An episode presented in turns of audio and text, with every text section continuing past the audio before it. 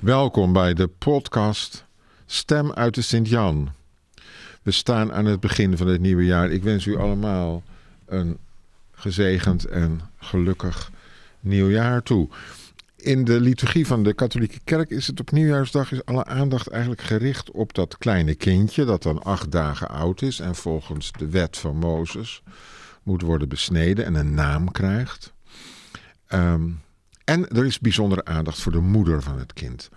Ik lees eerst een paar stukjes voor uit de Bijbel die op die dag gelezen worden. De eerste tekst is uit de brief van Paulus aan de Galaten. Toen de volheid van de tijd gekomen was, zond God zijn eigen zoon, geboren uit een vrouw, geboren onder de wet, om ons slaven van de wet, vrij te maken, zodat wij de rang kregen van zonen en dochters. En omdat ge zonen en dochters zijt, heeft God de geest van zijn zoon, die Abba Vader roept, in ons hart gezonden. Jullie zijn dus niet langer slaaf, maar zoon en dochter. En als kinderen ook erfgenaam. En wel door toedoen van God. En dan uit het tweede hoofdstuk van het Evangelie van Lucas, zeg maar het vervolg van het kerstverhaal. In die tijd haasten de herders zich naar Bethlehem en vonden Maria en Jozef en het pasgeboren kind dat in de kribbe lag. Toen ze dit gezien hadden, maakten ze bekend wat hun over dit kind gezegd was. Alle die het hoorden stonden verwonderd over hetgeen de herders hun verhaalden. Maria bewaarde al deze woorden in haar hart en overwoog ze bij zichzelf. De herders keerden terug, terwijl ze God verheerlijkten en loofden om alles wat ze gehoord en gezien hadden. Het was juist zoals hun gezegd was.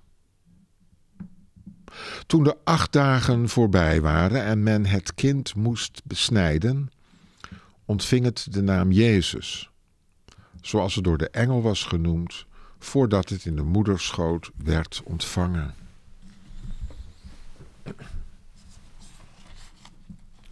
Toen de volheid van de tijd gekomen was, zond God zijn eigen zoon, geboren uit een vrouw.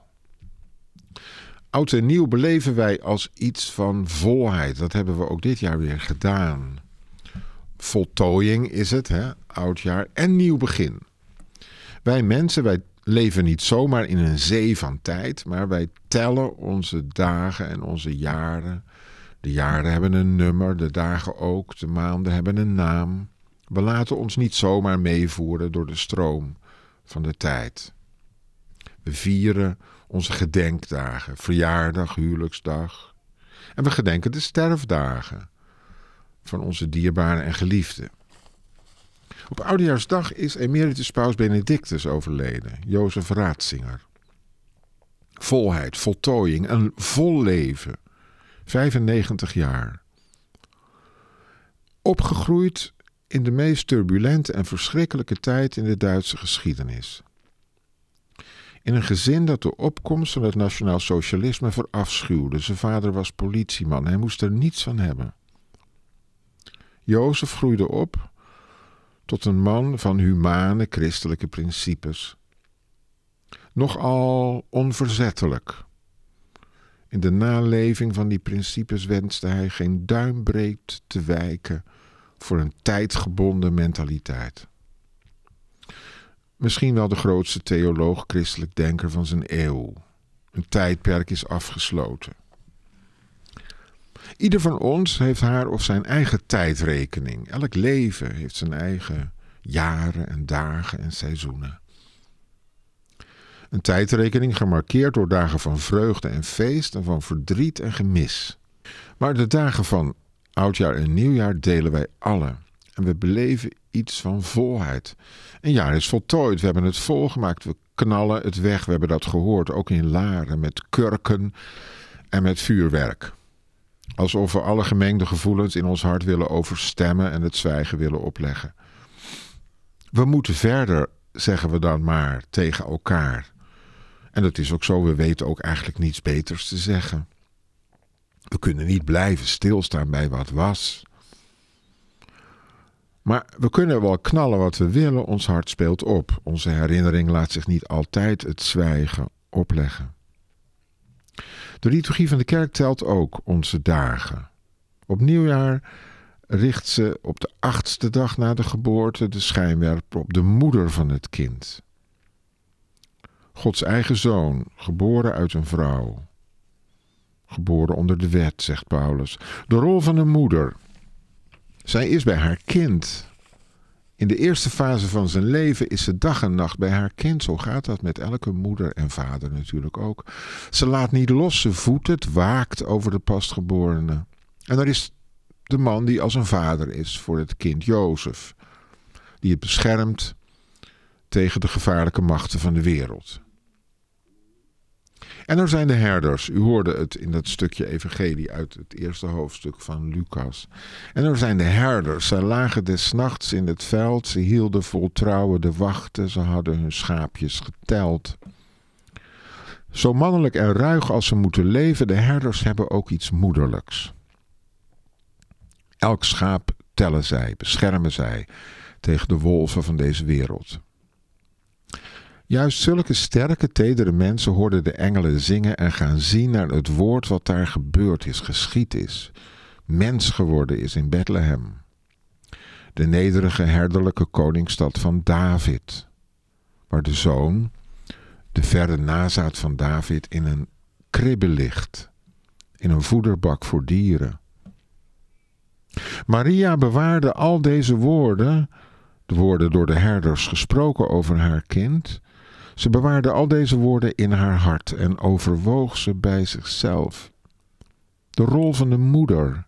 Ze is bij haar kind en overweegt alles wat anderen over hem zeggen. En ze verwijst naar haar kind.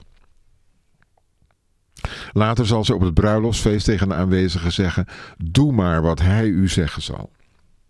Zij dringt zich niet op. Nou, toch Maria is ook maar een mens. Eén keer toch wel.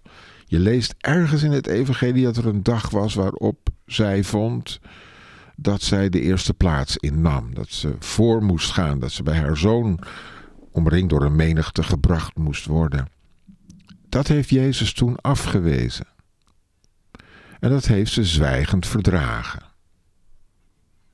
Ze heeft haar zoon zijn eigenheid gegund. Hij mocht worden wie hij bestemd was te zijn. Dat is een hele opgave voor ouders. Om hun verwachtingen bij te stellen.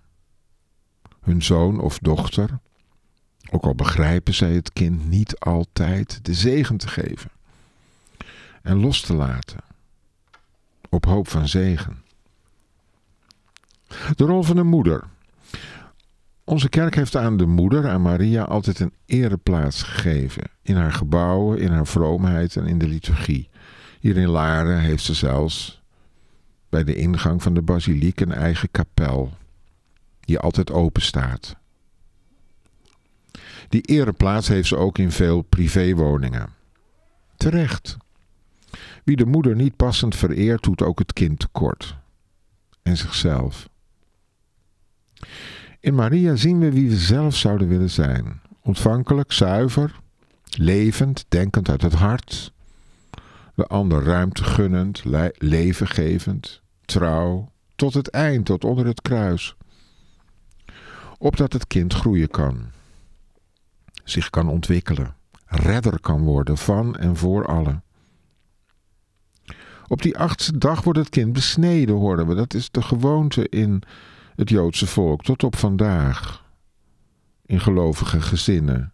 Het jochie wordt besneden op de achtste dag. En, en dan pas ontvangt het de naam die het zal dragen. Joshua in dit geval, Jezus. Die naam betekent God redt. De eerste zeven dagen van het prille leven zijn voorbij, de eerste zeven scheppingsdagen. Op de achtste dag blijkt Jezus zelf, de nieuwe schepping. Het oude is voorbij, ik ga iets nieuws beginnen. Al op de achtste dag van zijn leven wordt de betovering van de kerstnacht, de engelen, de herders, doorbroken. het jongetje in Israël, het verbondsvolk, moet worden besneden. Tot in zijn tedere lijfje moet het ondervinden. Ja, wat eigenlijk? Dat hij deel uitmaakt van het verbond van de vriendschap met de mensen en met God. De moeder en Jozef beginnen het acht dagen oude kindje al een beetje los te laten. Er komt iemand binnen die het kind onderwerpt aan die wat huiveringwekkende ingreep. Maar hij krijgt dan ook zijn naam, zijn missie. God red betekent zijn naam.